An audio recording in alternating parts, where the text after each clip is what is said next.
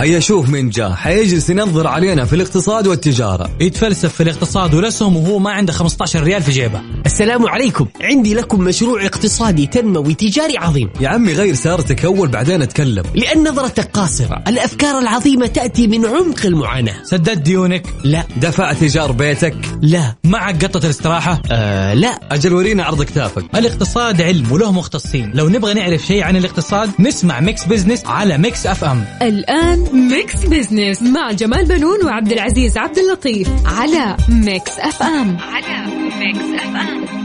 Mix Business مع جمال بنون وعبد العزيز عبد اللطيف على Mix FM. على Mix FM.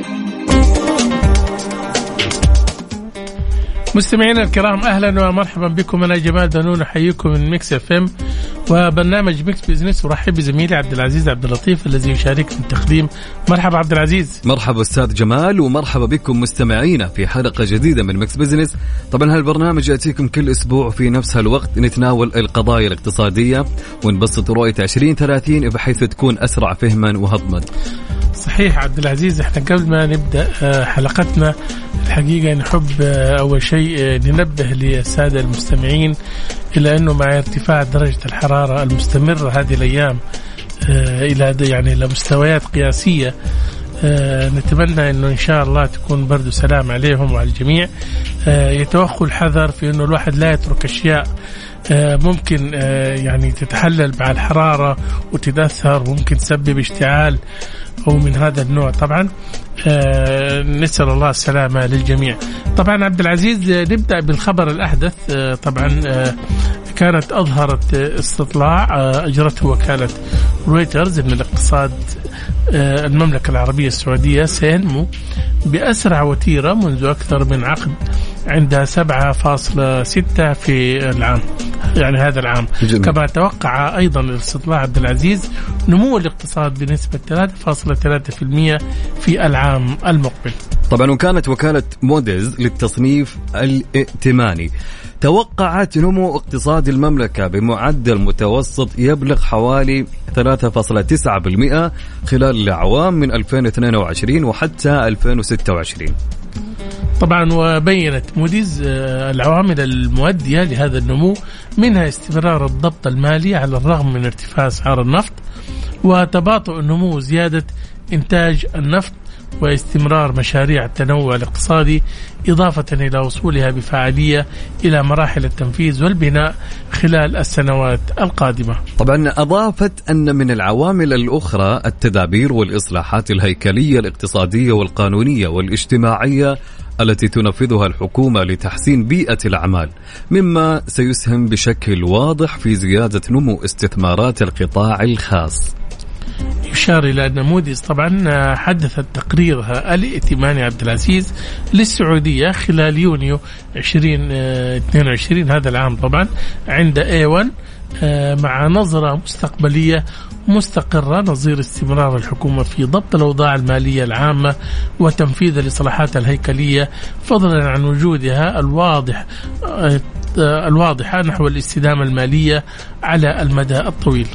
من جهة أخرى أستاذ جمال أطلقت وزارة الصناعة والثروة المعدنية السعودية برنامج مصانع المستقبل المستقبل والبرنامج يهدف إلى تحويل 4000 مصنع من الاعتماد على العمالة ذات المهارات والأجور المنخفضة إلى الأتمة وكفاءة التصنيع. مما يرفع من تنافسية الصناعة الوطنية وجودتها ويخلق وظائف نوعية.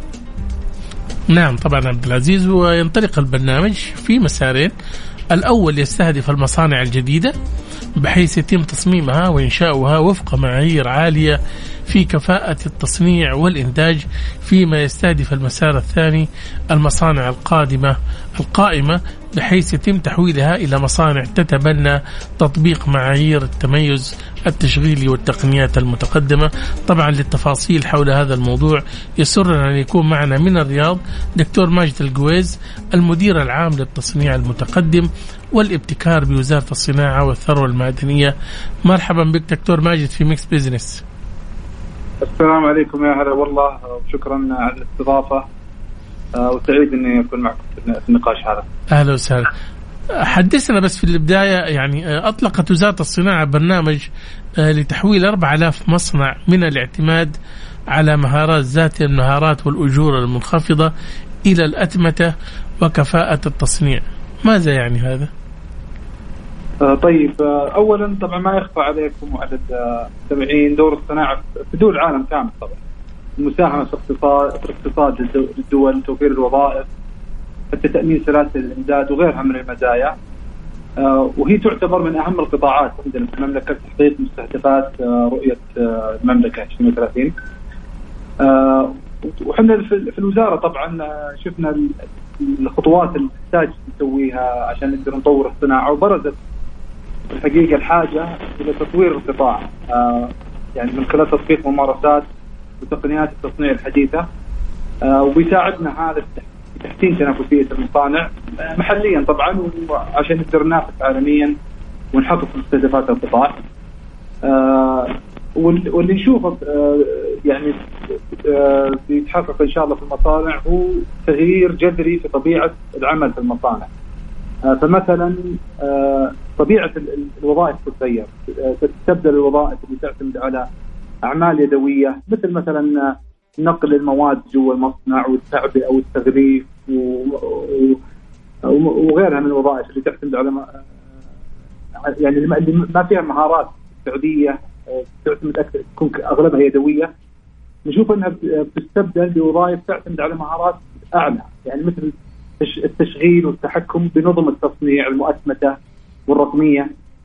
آه، طبعا الوظائف اليدوية ما تحتاج مهارات عالية. وإنتاجيتها في العادة تكون آه، متدنية آه، ولذلك يعني بطبيعة الحال أصحاب المصانع ما يقدرون يدفعون أجور عالية لهذه الوظائف وهي عادة ما تكون يعني يشغلها أجانب وما تكون جاذبة للسعوديين. بينما لو نظرنا للوظائف الجديدة اللي إن شاء الله بنشوفها تدخل في في الصناعة في المملكة كلها وظائف تصنيع حديثة متخصصة إنتاجية الموظف فيها عالية. وبالتالي طبعا الشركة والمصنع تكون لديها القدرة آه، لدفع أجور أعلى. طبيعة العمل عادة فيها بعد تكون مناسبة وآمنة وأفضل للكوادر الوطنية. آه، إحنا طبعا مهتمين جدا في الوزارة بأن يكون القطاع الصناعي جاذب للكوادر الوطنية. آه، بالذات حملة الشهادات التقنية والمتخصصة ونطمح بأن يساهم هذا البرنامج. في هذا الهدف. جميل. جميل الدكتور آه، ماجد بالنسبة لتوقعاتكم في عدد العمالة التي سيتم تسريحها من المصانع أو تخفيضها؟ آه طيب آه أول شيء النقاش في موضوع التسريح وتخفيض العمالة بسبب التقنيات الحديثة يعني الموضوع هذا مو بجديد. آه، حصل كثير في السابق ودائما يحصل عندما تتطور التقنيات. آه، مثل ما أنتم عارفين العالم مر يمكن في ثلاث ثورات صناعية في السابق. إحنا اليوم في زمن الثوره الصناعية الرابعة. في كل مرة آه، يعني يسبب التغيير مصدر قلق للعمال. لكن اللي يصير عادة وهذا في العالم كله إن المحصلة إن الوظائف تزداد وتكون أفضل من حيث طبيعة العمل، أقل كدح وتعب للموظفين وأفضل في السلامة وحتى أعلى في الأجور. آه طبعا هي آه كل هذه الميزات تصير لكن لكن الوظائف الجديدة أكيد تتطلب مهارات جديدة. آه زمننا هذا ما أنا ما أشوف إن فيه أن استثناء. حتى حتى لو فيها تقارير كثيرة طلعت منها تقرير وظائف المستقبل من المنتدى الاقتصادي العالمي. وضح فيه أن أن بعض أنواع الوظائف اليدوية ممكن أنها تنكمش لكنها بتستبدل بوظائف أفضل. ومحصلة الوظائف بتزداد آه، عالميا هذا. إحنا في المملكة نتفق مع هذا التحليل. نتوقع بأن نوعية الوظائف إن شاء الله تتغير. نتيجة لبناء قطاع صناعي قائم على التقنية والابتكار. نعم. المحصلة هي إن شاء الله أن ستخلق وظائف نوعية جاذبه للمواطنين. وهذا ما يعني طبعا بأن اللي يعملون في الوظائف اللي تستبدل ما راح يكون لهم دور في المستقبل. اللي حصل مع مصانع كثيرة شفناها قدام. واظن كمان الغاية منها تطوير المهارات. بحيث انها يعني آه، يعني آه، الوظائف اللي ممكن يكونوا شغالين عليها الآن تكون مهاراتها أقل وتحتاج أيضا يعني ممكن يعني الميكنة ممكن تأخذ دورهم. فبالتالي هم يطوروا نفسهم في مهارات أخرى صح؟ صحيح. أحد المصانع آه، قابل- قابلناه يعني كنا نبغى نشوف كيف تعاملت مع المصانع. فزرنا بعض المصانع المتطورة تقنيا واللي مرت التحول هذا يعني من قبل كم سنة وسألناهم عن الموظفين. وش صار فيهم الموظفين؟ قالوا والله كان عندنا موظفين يشتغلون أشياء تعتبر يدوية. قالوا اللي اللي حصل بعد آه، يعني وقت التحول وبعد التحول أنهم أعادوا تأهيل الموظفين. وصار الموظف يعمل في وظائف أفضل. وصار حتى يقدرون يدفعون له أجور أعلى. نعم. وقالوا يعني ما صار عندهم layoff أو يعني آه، آه، أي نوع من من من, آه، يعني آه، تغيير الموظفين لكن اللي حصل إعادة تأهيل وهو ويعني آه، وظف الموظفين زيادة حتى زيادة على على اللي على اللي لديه فولدت وظائف والوظائف اللي ولدوها عادة ما تكون آه، يعني أعلى في آه، نعم. في القيمه المضافة وأعلى في وتزيد من ربحيه المصنع. نعم طب خلينا نعرف منك بس دكتور إيش هو برنامج مصانع المستقبل وكم مدته؟ آه، طيب برنامج مصانع المستقبل آه، هو برنامج نسعى من خلاله أو تسعى وزاره الصناعه والثروه والمعدنية من خلاله إلى القفز آه، في الصناعة الوطنية المراكز المتقدمة عالميا. البرنامج يتبنى منهجيات عالمية زي ما ذكرت من قبل في التميز التشغيلي في مفاهيم الثورة الصناعية الرا- الرابعة ويدعم ويدعم المصانع يعني بالتحديد في التحول هذا. البرنامج يبدأ أول شيء بتقييم المصانع آه، أو بالتقييم الذاتي للمصانع عشان نعرف مستوى تطور المصنع. آه، وهذا طبعا مستوى تقريبي لأنه تقييم ذاتي وحصل هذا الحمد لله خلال الربع الربع الثاني من هذه السنة من خلال المسح الصناعي. ثاني خطوة هو القيام بتقييم مدقق لمستوى نضج المصنع للحصول على خط أساس دقيق آه، للمصنع وتحديد الفجوات والأولويات في المصنع وهذا إن شاء الله بيصير من خلال مؤشر عالمي اسمه SIRI Smart Industry Readiness Index وتم تطبيقه إلى الآن في 45 مصنع لله الحمد. بعدين يتم تحديد المحفزات والممكنات المناسبة للمصنع بعد ما يعني حسب مستوى نضج المصنع. آه، مثلا بعض المصانع ممكن تحتاج إلى دراسات تفصيلية أكثر لتطوير خارطة الطريق خارطة الطريق والتحول. آه، بعضها ممكن يحتاج آه، مصادر معرفية مناسبة للقطاع. بعضها ممكن يحتاج تدريب تسد الفجوات في القدرات أو حتى دعم في تطبيق الحلول. طبعا الحلول آه، متعددة. بعضها تكون حلول آه، تميز تشغيلي أو أو حلول اتمته بدائية أو رقمنة آه، أساسية وكونكتيفيتي أو تواصل في المصنع. وممكن بعض المصانع تحتاج تطبيقات تقنيات متقدمة. آه وطبعا إحنا نتوقع إن البرنامج يكون له أثر كبير إن شاء الله على المصانع. آه من خلال آه تحسين ورفع الإنتاجية وكفاءة التصنيع آه حتى تحسين ربحية المصنع آه وإيجاد فرص وظيفية نوعية للسعوديين وهذه طبعا يعني فرصة لأبناء وبنات البلد إن شاء الله أيضا ممكن يكون لها آثار أخرى زي تنميه الصادرات وغيرها. نعم دكتور ماجد هل نفهم من هذا أنه يتم تجهيز المصانع السعودية للثورة الصناعية الرابعة؟ آه نعم طبعا الثورة الصناعية الرابعة آه هو مفهوم جديد على المصانع، المصانع اللي طبقت هذا المصطلح بشكل كامل قليلة جدا في العالم. آه، إحنا أكيد نسعى أنها تكون أن تكون مصانع المملكة مطبقه للثورة الصناعية الرابعة بس نحتاج إلى خطوات تمهيديه أول مثل آه، تطبيقات التصنيع المرن والتمييز التشغيلي. قبل ما نبدأ التطبيقات والحلول آه، الرأسمالية آه، يعني الاكثر تعقيد تطبيقات تقنيات الاتصال وقياس متابعة الأداء وتكون متدرجة نتدرج بالتقنيات ال- الاكثر تعقيدا حتى نصل إلى المصانع بأنها تكون ذكية ومشغلة نفسها ذاتيا ووقتها نقدر نقول إنه وصلنا لمفهوم الثوره الصناعيه الرابعه. ال- نحتاج نشتغل على مسارات كثيرة، طبعا ذكرنا مسار دعم المصانع من خلال المحفزات والممكنات، لكن توجد مسارات نحتاج نعمل عليها، مثلا آه، التحول آه، بناء المنظومة التقنية في المملكة، المنظومة التقنية الداعمة آه، لا يقل أهمية. آه، تطبيق الثوره الصناعيه الرابعه يعتمد على وجود مقدمي حلول، مقدمي خدمات، آه، مقدمي صيانة، حلول السحابيه، أن تكون البنى التحتية عندنا الرقمية في المدن الصناعية متطورة وهذا مسار نعمل عليه أيضا على التطوير بالتوازي مع دعم المصانع. أيضا في- في الوزارة نحتاج تطبيق الثورة الصناعية الرابعة آه، آه، في آه، مراجعة السياسات والأنظمة الصناعية وهذا بعد مسار آخر نعمل عليه. آه، وحنا طبعا آه، البرنامج آه، مدته تقريبا خمس سنوات إن شاء الله عشان نحول 4000 مصنع لكن هذا هدف نشوفه متوسط المدى. هدفنا طويل الأمد هو تطوير الثقافة في المملكة ثقافة الصناعة وتنمية القدرات القطاع الخاص عشان نقدر نحقق استدامه لأهداف البرنامج وليس فقط لأربعة مصنع. ونوصل إن شاء الله كل المصانع القائمة وحتى المصانع الجديدة اللي ما بعد أسست بإذن الله. دكتور ماجد نشكرك على مشاركتك معنا إلى هنا انتهى وقتنا. شكرا لك يا دكتور ماجد. الله يعطيك العافية وشكرا. مستمعينا كان معنا دكتور ماجد القويز المدير العام للتصنيع المتقدم والابتكار بوزارة الصناعة والثروة المعدنية.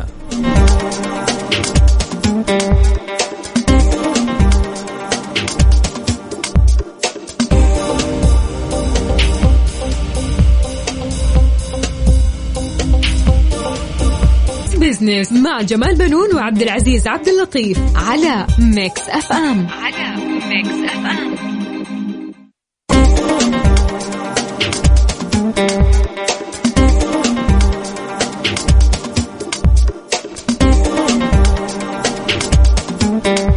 أهلا بكم من جديد مستمعينا عبر أثير إذاعة Mix FM. أنا أخوكم معكم عبد العزيز عبد اللطيف ومعي الأستاذ جمال بنون. أهلا أستاذ جمال. أهلا وسهلا عبد العزيز واهلا بالسادة المستمعين. طبعا كالعادة أستاذ جمال آه نعيد فقرات البرنامج بشكل سريع. في فقرة على السريع نستعرض أبرز الأحداث والأخبار الاقتصادية مع تعليق على بعض منها. وفي فقرة حسبة ونسبة السؤال المطروح على مواقع التواصل وحساب مكسف إم على تويتر. سؤالنا يقول لو كنت مسؤولا عن التوظيف كيف كنت ستعمل مقابلات التوظيف؟ هل عن الخيار الأول شفوي ونظري الخيار الثاني شفوي وتحريري الخيار الثالث فقط شفوي. إيش رأيك أستاذ جمال؟ والله شوف أنا أقول لك حاجة. م. أنا صراحة أعتقد إنه آه، اليوم المقابلات الوظيفية آه، أحيانا تكون يعني مخيفة آه، زي اللي داخل اختبار. صحيح. شايف؟ ممكن يكون مذاكر كويس لكن لما يروح الاختبار يكون خلاص يخاف منه. عارف؟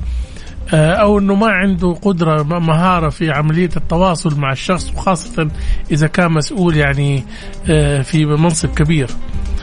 إحنا كل شيء تطور عندنا. الآن أصبحت عندنا تطبيقات إلكترونية وأصبحت عندنا عملية التواصل عن بعد وكل حاجة إلا المقابلات الوظيفية لا تزال مقابلة كده وجها لوجه.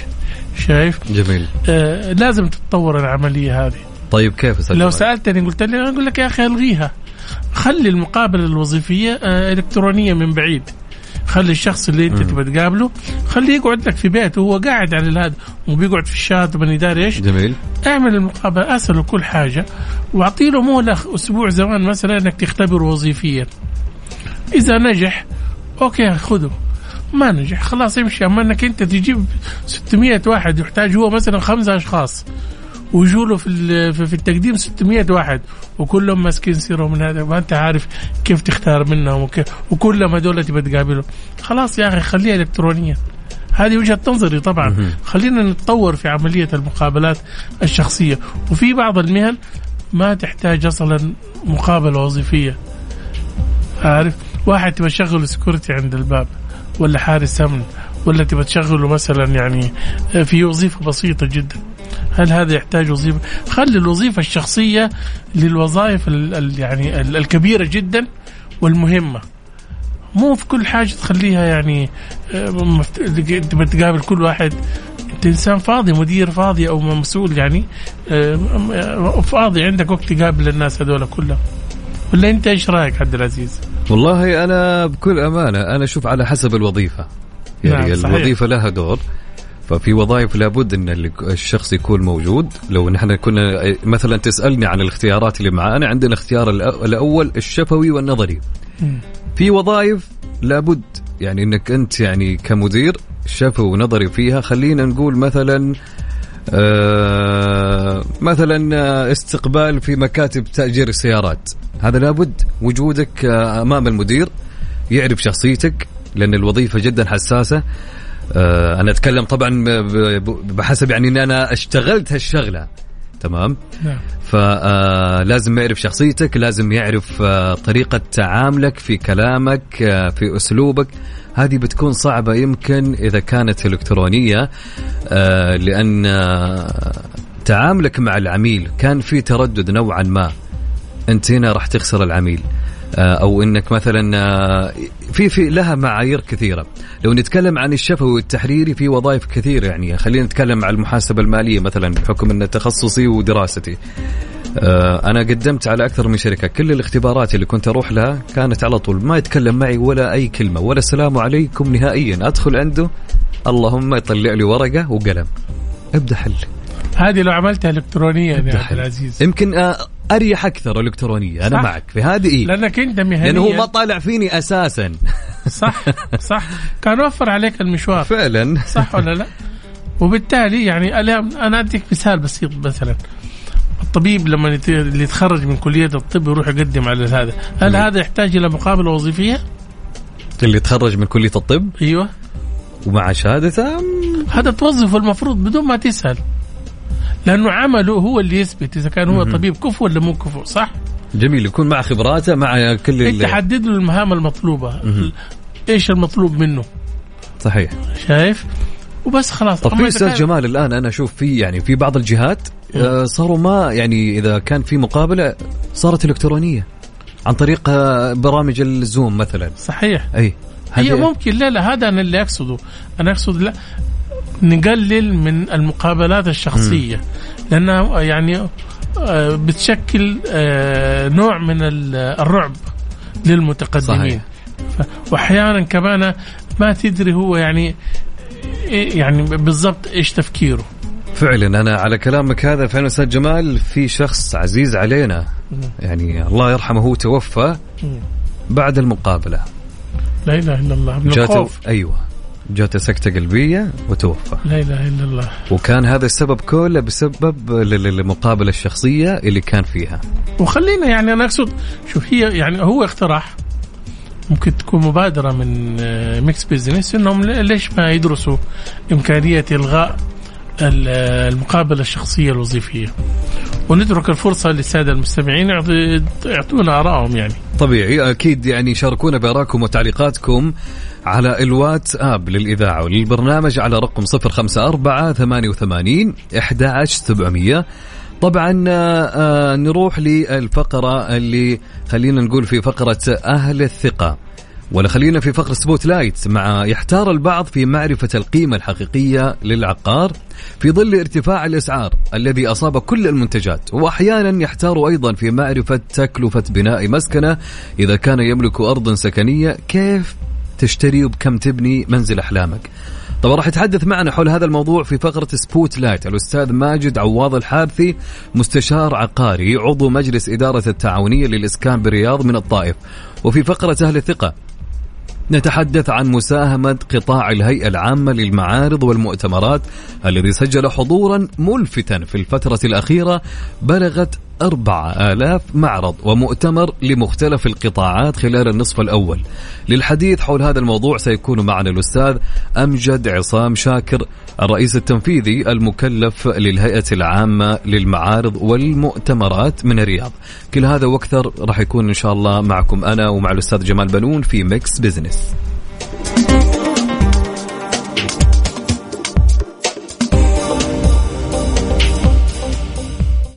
الثقة ضمن Mix Business على Mix FM على Mix FM عدنا لكم من جديد مستمعينا في Mix Business معي زميلي عبد العزيز عبد اللطيف. فرح بكل المستمعين الجدد. مرحبا عبد العزيز. مرحبا بك أستاذ جمال ومرحبا بمستمعينا. طبعا عبد العزيز طورت الهيئة العامة للمعارض والمؤتمرات إجراءات إصدار الترخيص لتقلص مدة الموافقة آه، وذلك انطلاقا من دور الهيئة لتمكين نمو قطاع سياحة الأعمال في تعزيز الاقتصاد الوطني والإسهام في الناتج المحلي غير النفطي وسجلت الهيئة إصدار تراخيص لإقامة أكثر من 4000 معرض ومؤتمر لمختلف القطاعات في مجالات مناطق المملكة خلال النصف الأول من هذا العام. طبعا للحديث حول قطاع صناعة المعارض والمؤتمرات يسرنا أن يكون معنا من الرياض الأستاذ أمجد عصام شاكر الرئيس التنفيذي المكلف للهيئة العامة للمعارض والمؤتمرات من الرياض. مرحبا بك أستاذ أمجد في Mix Business الله يحييك ويبقيك والله يحيي المستمعين. أهلا وسهلا. خلينا نعرف منك في البداية يعني آه الهيئة العامة للمعارض والمؤتمرات أصدرت 4000 تصريح خلال النصف الأول من هذا العام. ما هي أبرز هذه المعارض والمؤتمرات؟ آه قبل لا أجاوب على سؤالك إذا تسمح بس أعطي المستمعين نبذة سريعة جدا. إيش الغرض من وجود الهيئة العامة للمعارض والمؤتمرات؟ إحنا مناط بنا آه مهمتين رئيسيتين. أول وحدة هي تطوير التشريعات والتنظيمات المتعلقة بالهيئة العامة للمؤتمرات آه وتذليل العقبات أمام المستخدمين والشيء الثاني تطوير البنية التحتية.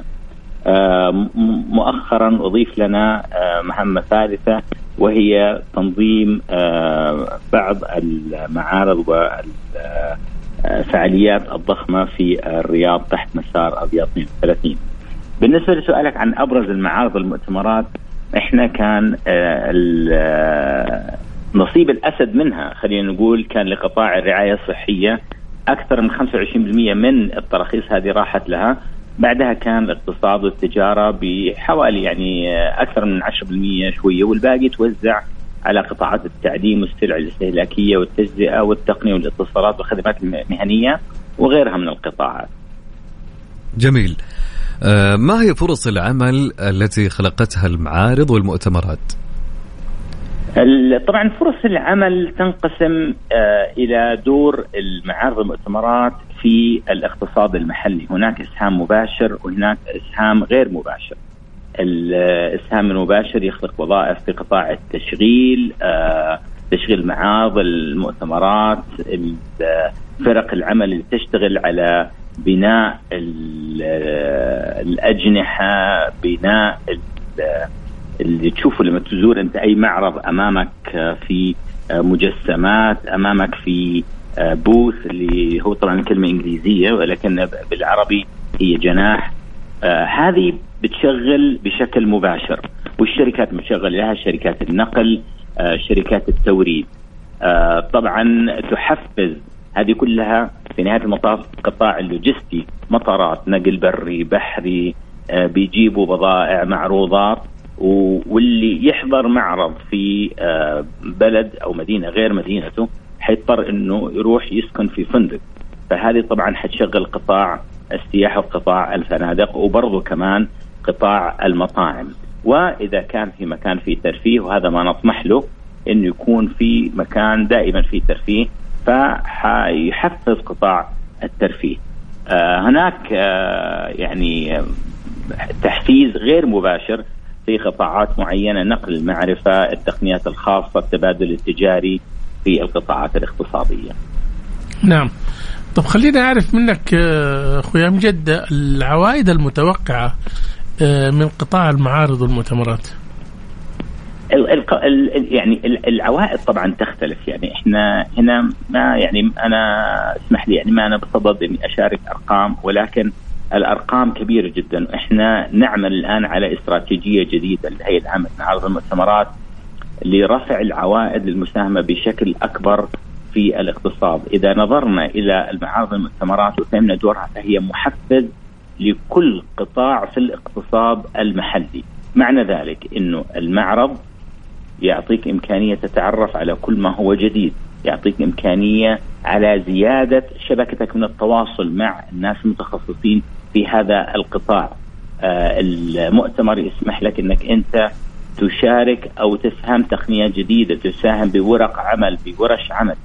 هذه كلها ترفع من العوائد.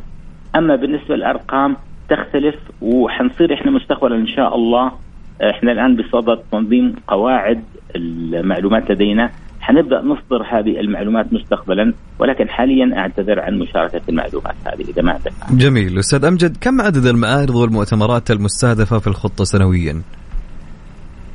والله حاليا إحنا حقيقة يعني فاقت توقعاتنا اللي حاصل. يعني آه، إحنا بالنسبة لنا الاستقرار الحمد لله ننعم فيه وهذه نعمة من رب العباد آه، رفع المتوقع بشكل كبير جدا. يعني إحنا مقارنة بالسنة الماضية آه، الصعود عندنا كان في نفس الفترة مقارنة بالسنة الماضية كان 370% وإحنا لا نزال فقط في النصف الأول من السنة فأنا ما أقدر أتنبأ بالغيب ولكن يعني إن شاء الله إنه العدد ضخم جدا يعني إحنا في ظل الإقبال الشديد جدا قاعدين نراجع أرقامنا اللي كنا متوقعينها وفاقت كل توقعاتنا والحمد لله. هذا عدد المدن اللي بتشهد هذه أكثر مدينة بتشهد يعني نسبة كبيرة من إقامة المعارض والمؤتمرات. عندك فكرة عنها؟ يعني عندك تقريبا حوالي 47 48% في الرياض. وبعدين آه، بعد كذا في عندنا إحنا موجود آه، جدة المنطقة الشرقية برضو في آه، تبوك في الطائف في المدينة. يعني في أماكن كثيرة جدا. الإحصائية حاليا ما هي عندي. ولكن إحنا اللي شغالين عليه إنه إحنا نشتغل مع كل منطقة إدارية في المملكة ونرفع نسبة المشاركة في عدد المعارض والمؤتمرات. هذا يتأتى من إن إحنا نشتغل مع كل منطقة نشوف فين الميزة التنافسية لكل منطقة ونبدأ نبرزها، أعطيك مثل مثلا في منطقة المدينة المنورة أبرز ميزة تنافسية لها آه يعني وجود الحرم آه المدني. ويعني المسلمين دائما بالنسبة لهم من أكبر الحوافز إنه يزوروا حرم النبي عليه الصلاة والسلام ويصلوا آه في مسجد النبي عليه الصلاة والسلام، فبالنسبة لهم هذه شيء مهم جدا وميزة تنافسية. وهكذا دواليك إحنا بنحاول نشتغل مع باقي المناطق نشوف فين الميزه التنافسيه ونرفع منها ونستفيد منها برضه في قطاع المعارض والمؤتمرات. جميل جدا. أستاذ أمجد انتهى وقتنا. شكرا لمشاركتكم معنا اليوم في Mix Business. شكرا لكم. يعطيك العافية. مستمعينا كان معنا الأستاذ أمجد عصام شاكر الرئيس التنفيذي المكلف للهيئة العامة للمعارض والمؤتمرات من الرياض.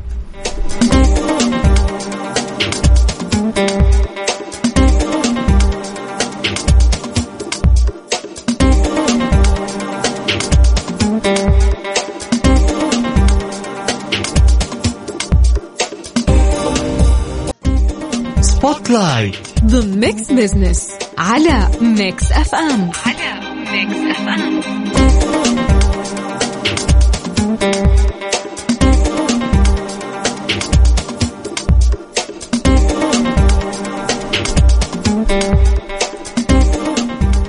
من أجمل الأحلام لدى الفرد وخاصة إن كان رب أسرة. يحلم بامتلاك بمسكن خاص أو يبني. إلا أنه يحتار في معرفة القيمة الحقيقية للعقار في ظل ارتفاع الأسعار الذي أصاب كل المنتجات ويحتار أيضا في معرفة تكلفة بناء مسكنة. إذا كان يملك ارض سكنية كيف يشتري وبكم آه كم يتم عملية البناء في منزل أحلامه. طبعا نتحدث مع الأستاذ ماجد عواض الحارثي مستشار عقاري وعضو مجلس إدارة التعاونية للإسكان بالرياض من الطائف. مرحبا بك أستاذ ماجد في Mix Business. يا أهلا وسهلا حياكم الله يا مرحبا والله. شكرا لكم قناة جميلة دائما نستمع لها وبرامجها الجميلة والمتنوعة. لتخدم شريحة كبيرة من المجتمع. شكرا لكم. الله يسعدك أستاذ ماجد. حدثنا في البداية في ظل تفاوت أسعار العقارات.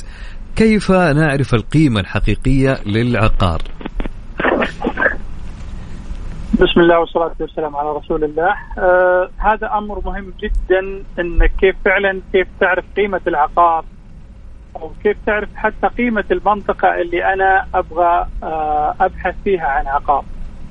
واليوم صار فيه لغط كبير سواء في التواصل الاجتماعي أو آه عدم شفافية في بعض الوسطاء أو تضليل حتى في بعض ال ال الإعلانات التجارية الغير واضحة واللي إن شاء الله إنها تسعى قاعدة جاهدة الهيئة العامة للعقار مشكورة إلى تنقية هذا السوق ليكون من الأسواق الشفافة والواعدة إن شاء الله والموثوق فيها. فأنا أنصح المواطن طال عمرك بشيئين. الأول أن الدخول على وزارة العدل ودخول على البيانات المفتوحة ومن ثم البحث في المنطقة اللي قاعد هو يبحث فيها ويشوف المنفذ في المنطقة كم الاسعار فيه وتفاوت الاسعار فيه حتى يكون عنده على الأقل يعني آه، رنج معين يقول والله السعر ما يتجاوز كذا. ولا يقل عن كذا أو الأسعار ما بين كذا وكذا. آه الشيء الثاني والمهم جدا هو التقييم. اليوم في هيئة المقيمين اهلت آه عدد كبير من المقيمين الحاصلين على الزمالة في التقييم والتي اليوم أصبحت تقاريرهم هي المعتمدة حتى للجهات الرسمية آه وأصبح اليوم أي شخص يقدم تقييم أو قيمة سوقية لأي عقار آه خارج المنظومة هذه المقيمين المعتمدين يجرم اليوم في آه السوق آه، لأن القمون بالتقييم هم اشخاص مؤهلين وأيضا الشيء الثاني المهم جدا إنهم مسؤولين عند الجهات المختصة في أي أخطاء يقومون بها أو اخطاء في تقريرهم أو آلية تقريرهم. فاليوم المشكورة هيئة المقيمين أنشأت منصة اسمها منصة قيم يستطيع المواطن الدخول عليها ووضع آه، بيانات المطلوبة للعقار وفي عروض من المقيمين المعتمدين لدى الهيئة ويقومون بإعطاء تقرير عن نعم. العقار مفصل وهذا يعني هياخذ منه مبلغ بسيط يمكن لا يتجاوز 500 ريال في في في في العقارات هذه بحيث إني أعرف العقار هذا فعلا هل هو سعره السوقي ولا غير سعره يستحق ولا ما يستحق وأيضا تفاصيل مهمة جدا تكون في التقرير. شيء جميل. طيب أستاذ ماجد أنا بدي أعرف من وجهة نظرك كمقيم عقاري طبعا كم تكلف بناء أبسط منزل لأسرة صغيرة؟ والله طال عمرك هو يعتمد على نوعية التشطيب على نوعية يعني أبسط كذا يعني الأشياء البسيطة يعني بكم ممكن تقام أنا بقول لك يعني هي أنا بقول لك يعتمد على على على أشياء كثير يعتمد على نوعية التشطيب. في مثلا سيراميك أو بورسلان ب 17 ريال وفي شيء ب 160 و 170 ريال. يعتمد أيضا على عملية الشخص هل هو فاهم في التعاقد مع المقاولين لأن في تلاعب كبير من المقاولين. يعطون اسعار شاطحة بشكل رهيب جدا. آه فهذه تعتمد على الشيء ان الشيئين هذه مهمة جدا. اليوم مثلا أنا شفت آه أحد الزملاء اللي هو أعتقد المهندس مساعد الفاري قدموا تحدي فيلا في آه آه انت أعتقد بحول 400 ألف وشوي تقريبا آه مساحة 400 متر هذا نوع من التحدي كيف انك بكم إنك بكم؟ تستطيع إنك تبني فيلا سعر معقول جدا في حدود كم؟ 400 وكسر عليها بسيط يعني يعني كانت كانت نوع من التحدي جدا إيه. اي فهي آه، زي ما قلت لك يعني هو الشخص آه، مع من يتعامل وش المواد اللي يحطها وش الأشياء المتطلبات الأساسية اللي تفترض إنها تكون موجودة في البيت والأشياء الغير الغير يفترض يعني ما هي ما هي بذيك الأهمية واللي تهدر فيها مبالغ على غير سنة. جميل أستاذ ماجد هل أسعار العقارات الحالية فيها مبالغة أم أنها تمشي حسب متطلبات الوضع؟ والله شوف إذا تكلمنا عن العقارات فاحنا قاعدين نتكلم المملكة العربية السعودية تعتبر قارة. آه، مدينة فيها انخفاض، مدينة فيها أسعار متوسطة، مدينة فيها تضخم. الأسعار متفاوتة ما بين المعقولة وما بين غير المعقولة وما بين المتضخمة واللي وصلت حد يعني حد غير معقول. عندما تصنف أو أو أو, أو تشخص لو تشخص المدن تقول هذه والله أعطني المدينة هذه يقول لك والله المدينة هذه هي اسعارها كذا أو أسعار حتى لو مثلا اخذنا مدينة واحدة تجد فيها مناطق مناطق فيها اسعارها معقولة ومناطق لا تطاق واسعارها غير معقولة نهائي. جميل. واليوم المؤشرات الحمد لله اليوم عندنا ثلاث مؤشرات مهمة جدا. عندنا مؤشر وزارة العدل يعطينا أرقام شفافة وواضحة. عندنا مؤشر هيئة الاحصاء آه، أيضا يعطينا مؤشر واضح. عندنا الهيئة العامة للعقار أيضا قاعد يعطينا مؤشرات مهمة جدا تفصيلية للأحياء. ويعطينا وين وين الأسعار المعقولة وين الانخفاضات وين الصفقات. وين التنفيذ وكل الأشياء دي موجودة يعني اليوم اليوم المواطن آه، إذا بحث عن المعلومة بيلقى بكل شفافيه المعلومة. جميل. أستاذ ماجد ما هي أكثر المدن التي تشهد ارتفاع في أسعار العقارات؟ والله اولا مدينة الرياض طبعا رقم واحد وصلت إلى أسعار تضخمات غير عادية لكن اليوم المبشرات إن شاء الله إنها طيبة يعني أنا قرات في المؤشر الأحصاء إنه فيه نزول تقريبا 7.4 آه، وهذا مؤشر جدا ممتاز لأنه يكفي إنه علق الجرس آه، وزير الإسكان بأنه ال ال ال الأسعار تجاوزت القدرات الشرائيه وهذا هو صحيح فعلا يعني. أصبحت أسعار آه، لا تطاق. تليها بعدها مدينة جدة مدينه جدة السبب الرئيسي فيها اللي هو النزع اللي صاير فيها نزع عدد كبير. إلى الآن نزع أكثر من 30 حي سكني من السهلة. هذا أدى إلى ارتفاع الأسعار.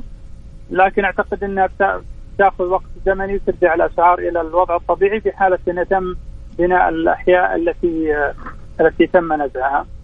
آه ثالثا هي المنطقة الشرقيه المديش الدمام الخبر. هذه أيضا هي ثالث مدن يعني بدأت في الارتفاع.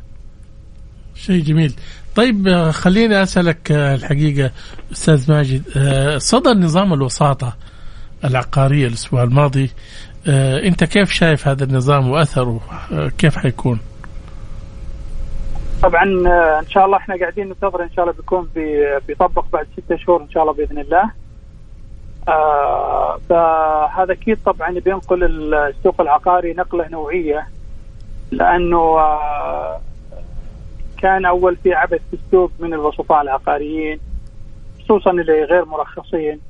آه دخول الغير السعوديين في السوق وبطريقة عشوائية و وغير على غير كفلاء ومخالفين للاقامه والكفاله وغيره آه هذه الأمور بتنظم معاملة أيضا الوسيط العقاري مع المالك مع المشتري وتضع نعم. مسؤوليات وتحدد مسؤوليات مهمة جدا وطريقة تعامل الوسيط العقاري بالتأكيد. وتحاسب على كل إجراء صحيح. يتم به سواء كان آه، إجراء يعني غير نظامي فاكيد إنه هينظم السوق تنظيم آه، وهذا كنا ننتظره من من عشرات السنين. وهذا المأمول الحقيقة يعني من تنظيم الوساطة العقارية.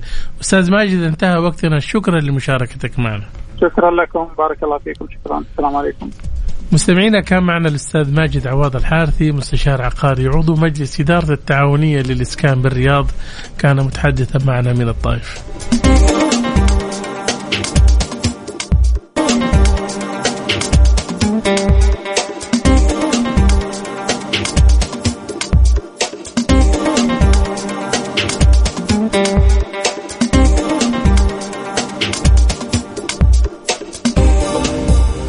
أهلا بكم من جديد مستمعينا عبر أثير إذاعة Mix FM. أنا معكم عبد العزيز عبد اللطيف ومعي الأستاذ جمال بنون. أهلا أستاذ جمال.